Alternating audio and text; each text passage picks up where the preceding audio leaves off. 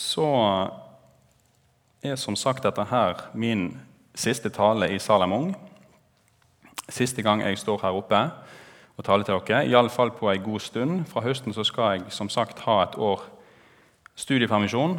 Og fra august av så vil det være en annen person som står her oppe, som er ungdomsleder. Og nå er dere sikkert spente på hvem det blir. Jeg vet at en del av dere vet det allerede. Men jeg kan røpe at det er ansatt en ny ungdomsleder i Salem som går inn i jobben i august. Det er en eh, svært hyggelig sørlending som heter Torgeir Nygaard. Han sitter der nede. Har lyst til å reise deg? Så kan du vinke. Der har vi Torgeir.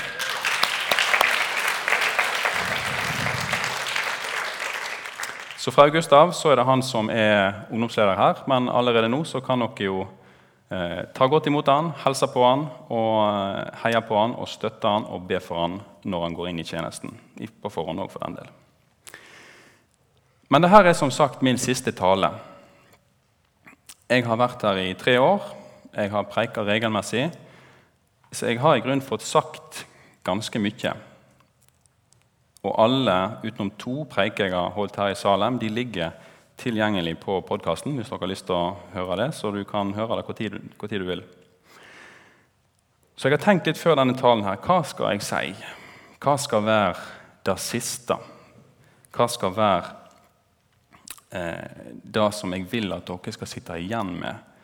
Eh, hva vil jeg at Dersom dere skal huske én ting fra alle disse talene og andaktene som jeg har hatt, hva skal den ene tingen være som det sitter igjen med å huske på?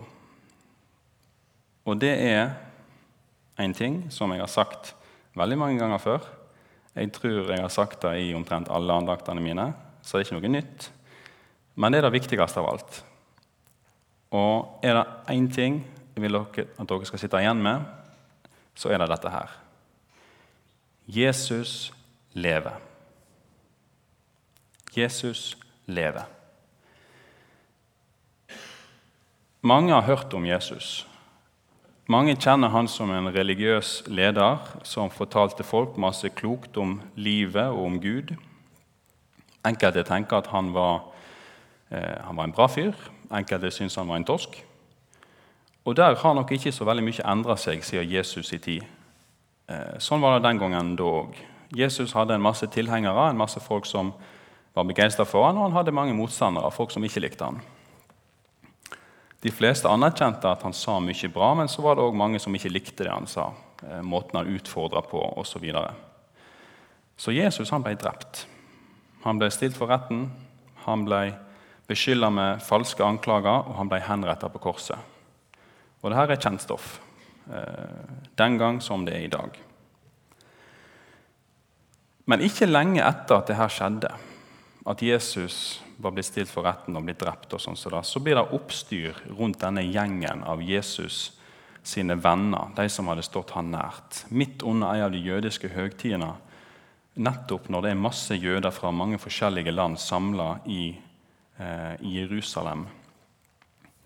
Eh, så står denne gjengen av Jesus sine nærmeste venner de står fram og tale om Guds store gjerninger på mange forskjellige språk, sånn at alle de forskjellige folkene fra de forskjellige landene kan høre og forstå det som blir sagt. Merkelige greier. Det må ha skapt en god del oppstyr. Og det må ha blitt en ganske stor folkemengde som samler seg rundt dette oppstyret, med Jesus sin nærmeste flokk da, i sentrum. Og Da er det Peter står fram som den lederen han er. Han taler til folket og forklarer dem hva som eh, har skjedd. Det som skjer, er at Gud oppfyller de løftene han har gitt i Det gamle testamentet, sier Peter, om at Ånden skulle bli gitt fritt til alle som tror. Og så fortsetter Peter.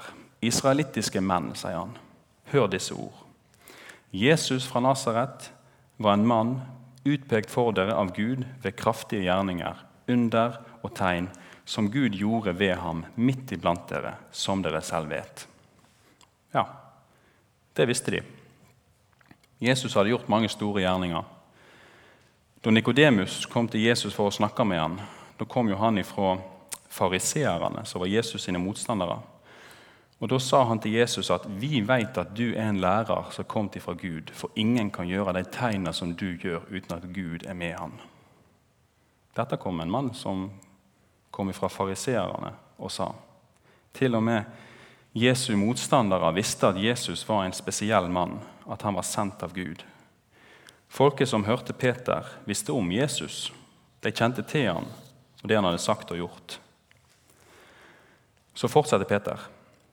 Han, altså Jesus, ble forrådt etter Guds fastsatte råd og forutviten, og dere slo ham i hæl idet dere naglet ham til korset ved lovløse menns hender. Dere slo ham i hjel idet dere naglet ham til korset. Ja, det visste de. Jesus hadde stått fram, han hadde gjort sin gjerning, og til slutt hadde han blitt drept. Han døde jo på korset en stund tidligere. Det visste de. Kjent budskap. Ikke noe nytt, spennende eller oppsiktsvekkende i dette her. At folk sto fram som religiøse ledere og lærere, det var ikke så sjelden. At folk ble henretta, gjerne på tynt grunnlag, det var vel heller ikke så sjokkerende. Det var, ikke så, det var leit, men det er sånt som skjer. Og sånn er det jo i dag òg. Ja vel, kanskje Jesus var en interessant karakter. Kanskje han ble korshesta og døde. Hva så? Men så kommer Peter med en så hinsides punchline at, at det mangler sidestykke. For han fortsetter denne Jesus reiste Gud opp, og vi er alle vitner om dette her. Denne Jesus reiste Gud opp. Historien frem til da var kjent. Ja, ja, Jesus sto fram, lærer, drept, døde. Men Gud reiste han opp. Jesus lever. Jesus lever. Det var budskapet. Det var det sjokkerende, det var det nye, det var det viktige. Jesus lever. Det er jo uhørt. En mann som var død, det er et velkjent fenomen. En mann som blir reist opp igjen fra de døde, hva er det? Her står de, en stor flokk mennesker, og forteller at han lever, at de har møtt han, at han har stått opp igjen. Oi, kanskje han ikke bare var en Kanskje han bare ikke var enda en omreisende forkynner som var uheldig med myndighetene. Da var han jo kanskje noe mer, hvis han ble reist opp igjen fra de døde. Kanskje det han sa og gjorde, virkelig var sant. Hvis han lever, da stiller jo alt seg annerledes. Og Jesus, han lever. Det var det som var den store forskjellen. Og det at Jesus lever, det betyr at han overvant synd og død. For død og synd det er et ordpar. De to ordene de går hånd i hånd. Helt fra begynnelsen av så har det, så har det å, å, bryte Guds bud, det å synde, det har vært knytta til død.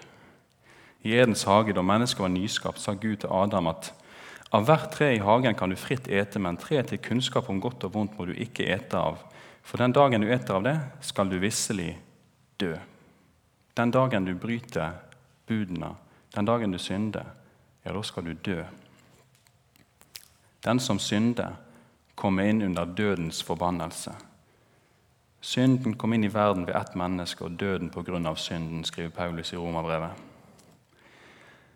Og I Moseloven så står det at når en mann har synd på seg, som fortjener døden, og han blir henrettet og deretter hengt på et tre, da skal hans døde kropp ikke bli natten over på treet, men du skal begrave ham samme dag. For forbannet av Gud er hver den som blir hengt, altså hengt opp på et tre eller på et kors for den del. Og Dette var jo det som skjedde med Jesus. Det vet vi, og det visste folkene i Jerusalem. Da Jesus døde, så var det for alle de menneskene rundt ham bare et punktum for nok et syndig menneske sitt liv. Han var visst bare et vanlig menneske likevel. Et vanlig, syndig menneske. Guds profet? Nja. Måten han døde på, tilsier jo at han var forbanna av Gud. Forbanna er hver den som henger på et tre. Det var ikke noe spesielt med Jesus. Og nå var han død. Slutt med han. Enda en ung, håpefull idealist som myndighetene kvitta seg med. Han var død. Og enda verre er det jo med de menneskene som hadde satt sitt håp og sin lit til han. De som trodde at han skulle frelse dem. For en stakkarslig gjeng. Setter sitt håp til noe så stusslig. En mann som var så lett å få rydda av veien, så lett å få drept. Og Akkurat det her sier Paulus òg i, i 1. Korinterbrev. Men er ikke Kristus reist opp, da har dere en unyttig tro, og da er dere enda i deres synder. Da er også de fortapte som har sovnet inn i Kristus. Har vi bare i dette liv satt vårt håp til Kristus, da er vi de ynkverdigste av alle mennesker. En død frelser, hva er det for noe? Hvem kan han hjelpe? Hvem kan han frelse?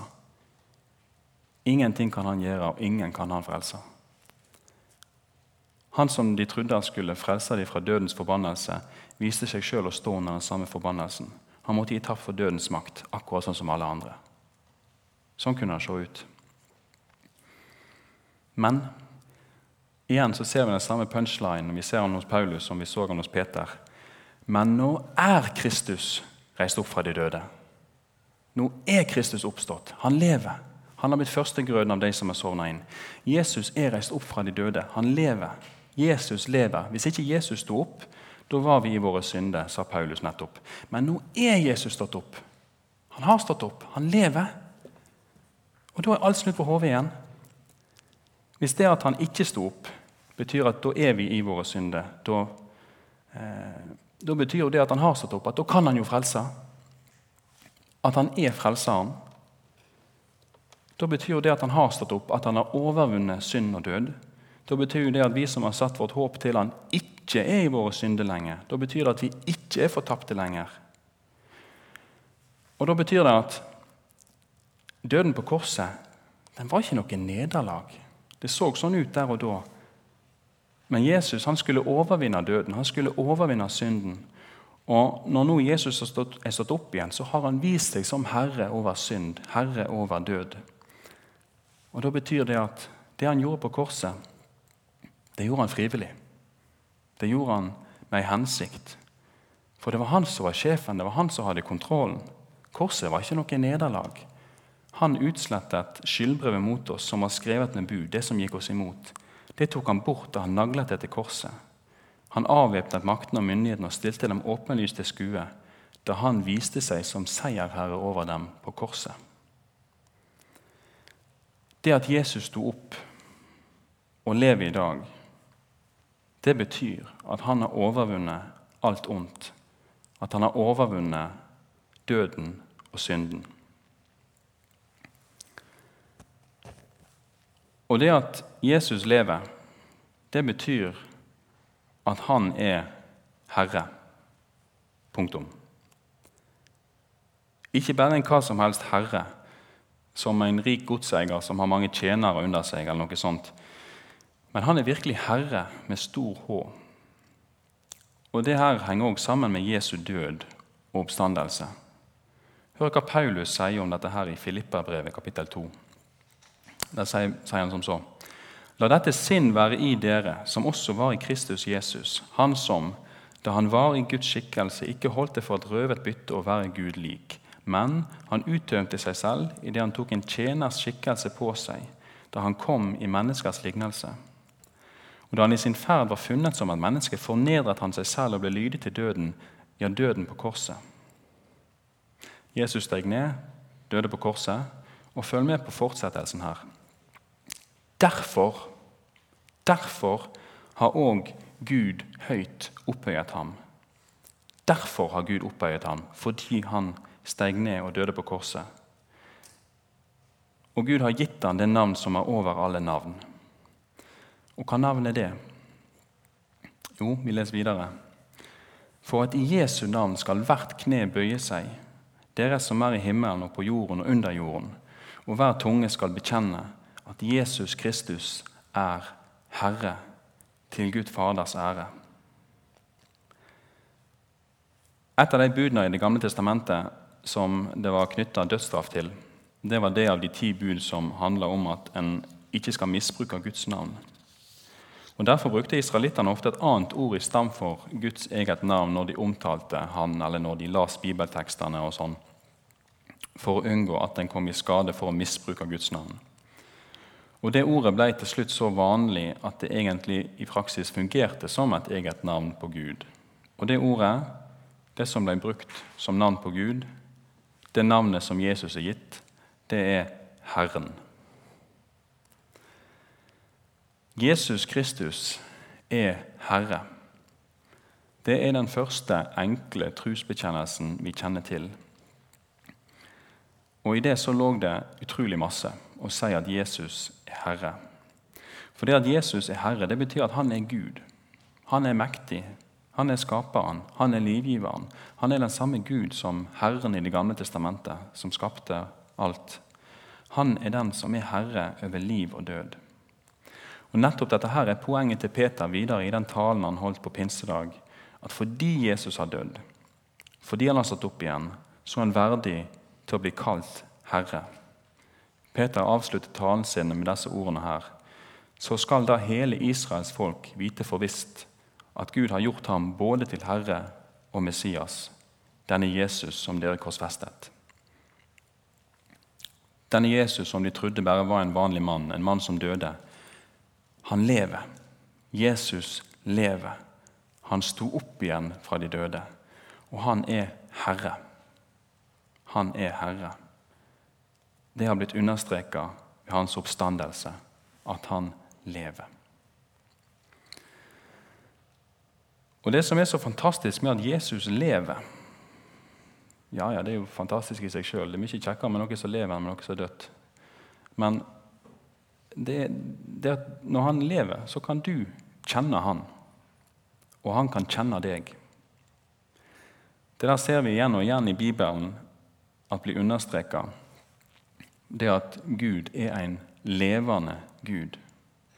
Av dette skal dere skjønne at den levende Gud er midt iblant dere, sa Josva til israelsfolket.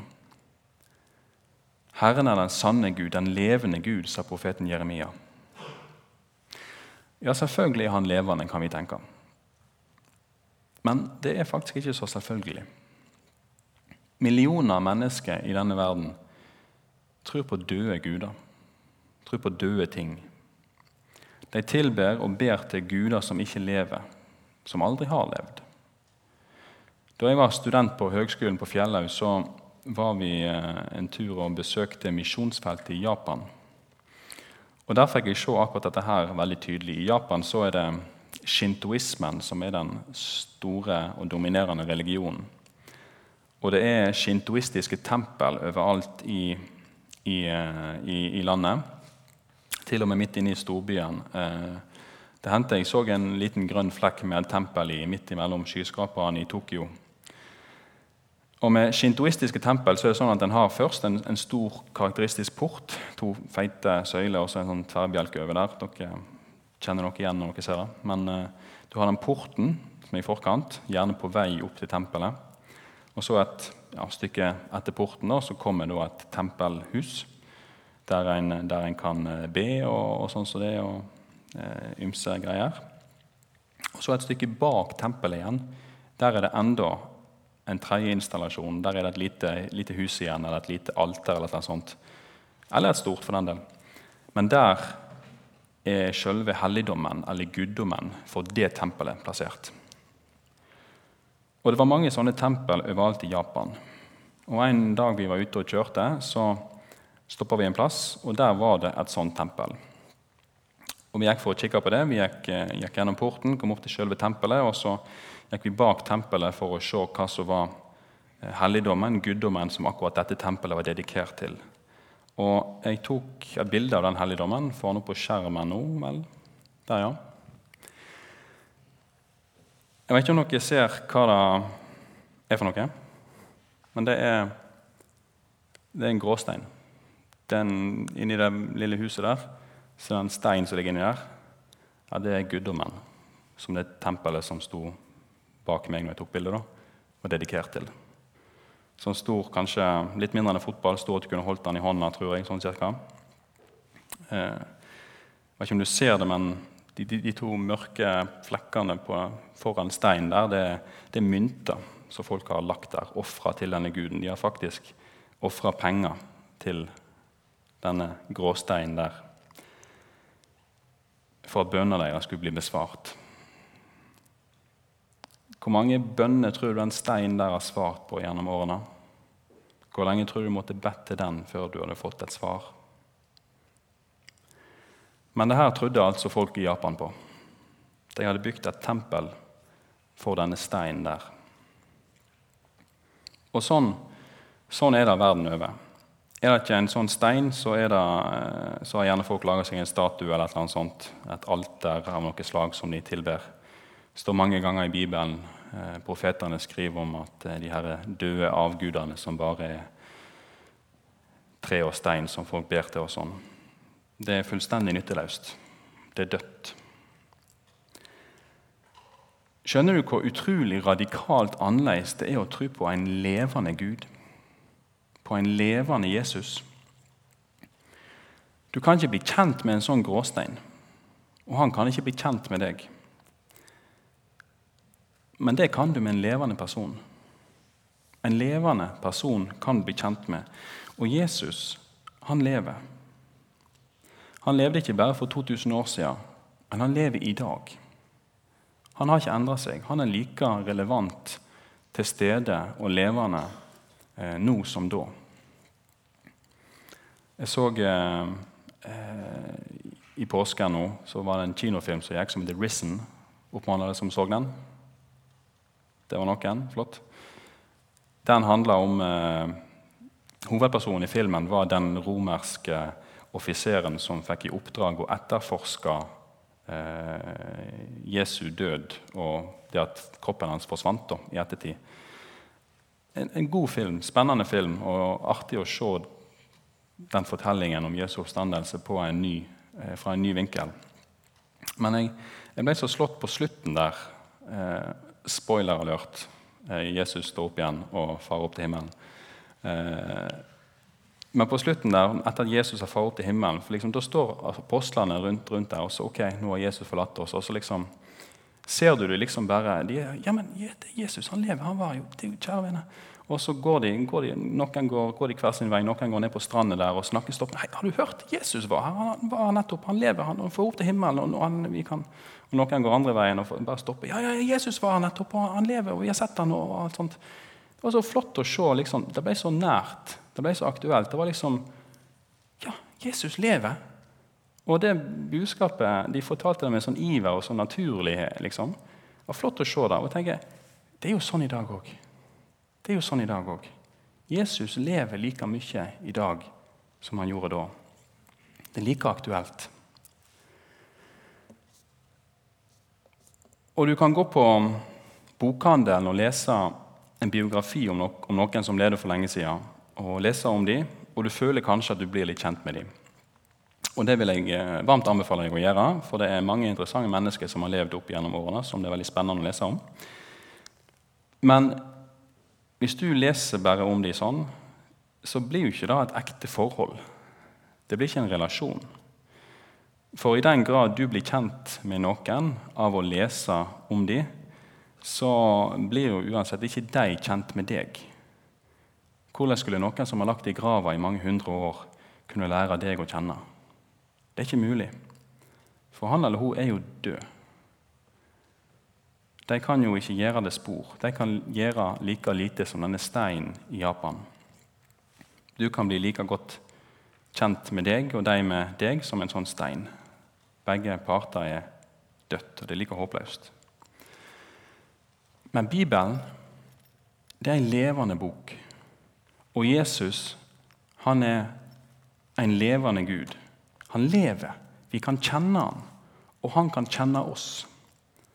Bibelen snakker masse om dette. her. Jesus han sa sjøl at dette er det evige liv, at de kjenner deg, den eneste sanne Gud, og Han som du har utsendt, Jesus Kristus. Paulus skriver om å, om å kjenne Han, altså Jesus, og kraften av Hans oppstandelse. Men ikke bare kan vi kjenne Han, men Han kjenner oss. Paulus skrev til de kristne i Galatia nå når dere kjenner Gud, ja, det som mer er, er kjent av Gud. Det er ikke bare sånn at dere kjenner Gud, men dere er òg kjent av Gud. Gud kjenner dere. Jeg kan si at jeg kjenner kong Harald. Jeg kan gå opp til Slottet i Oslo og si til vaktene der at de må slippe meg inn, for jeg kjenner kongen. Tror du de har sluppet meg inn for det? Det hadde ikke hjulpet stort om jeg hadde mast aldri så mye om at jeg kjente han. Jeg hadde ikke kommet så langt med det. Men hvis kongen hadde kommet ut og sagt å er det Yngve, han kjenner jeg, bare slipp han inn. Da hadde det vært annerledes. Fordi han kjente meg. Og Sånn er det med Gud. Sånn er det med Jesus. Den som elsker Gud, er kjent av ham. 1. Korinterbrev 8,3. Sånn er det å tro på en levende Gud. Sånn har vi det nettopp fordi Jesus lever. Vi kan bli kjent med han. Han kan bli kjent med oss. Vi kan lese om Jesus i Bibelen, lære han å kjenne der. Vi kan be til han, og han vil høre. Ved trua på at han døde på korset for våre synder og sto opp igjen og lever i dag, så begynner et nytt forhold til han. Og Da flytter Den hellige ånd inn i oss, som taler til oss, som veileder oss. Vi blir Guds barn. Et nytt liv begynner. Et liv der vi kjenner Han, og Han kjenner oss. Og Det er det enkle budskapet som gjorde at 3000 mennesker på pinsedag for 2000 år siden ville bli kristne.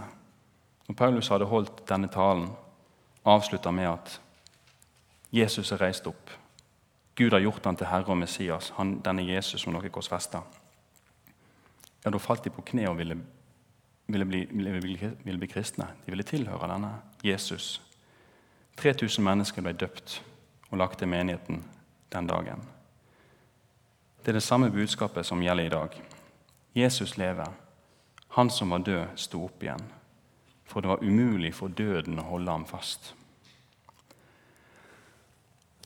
Og mitt høgste ønske for deg det er at du skal leve i trua på den levende Jesus Kristus, Guds sønn.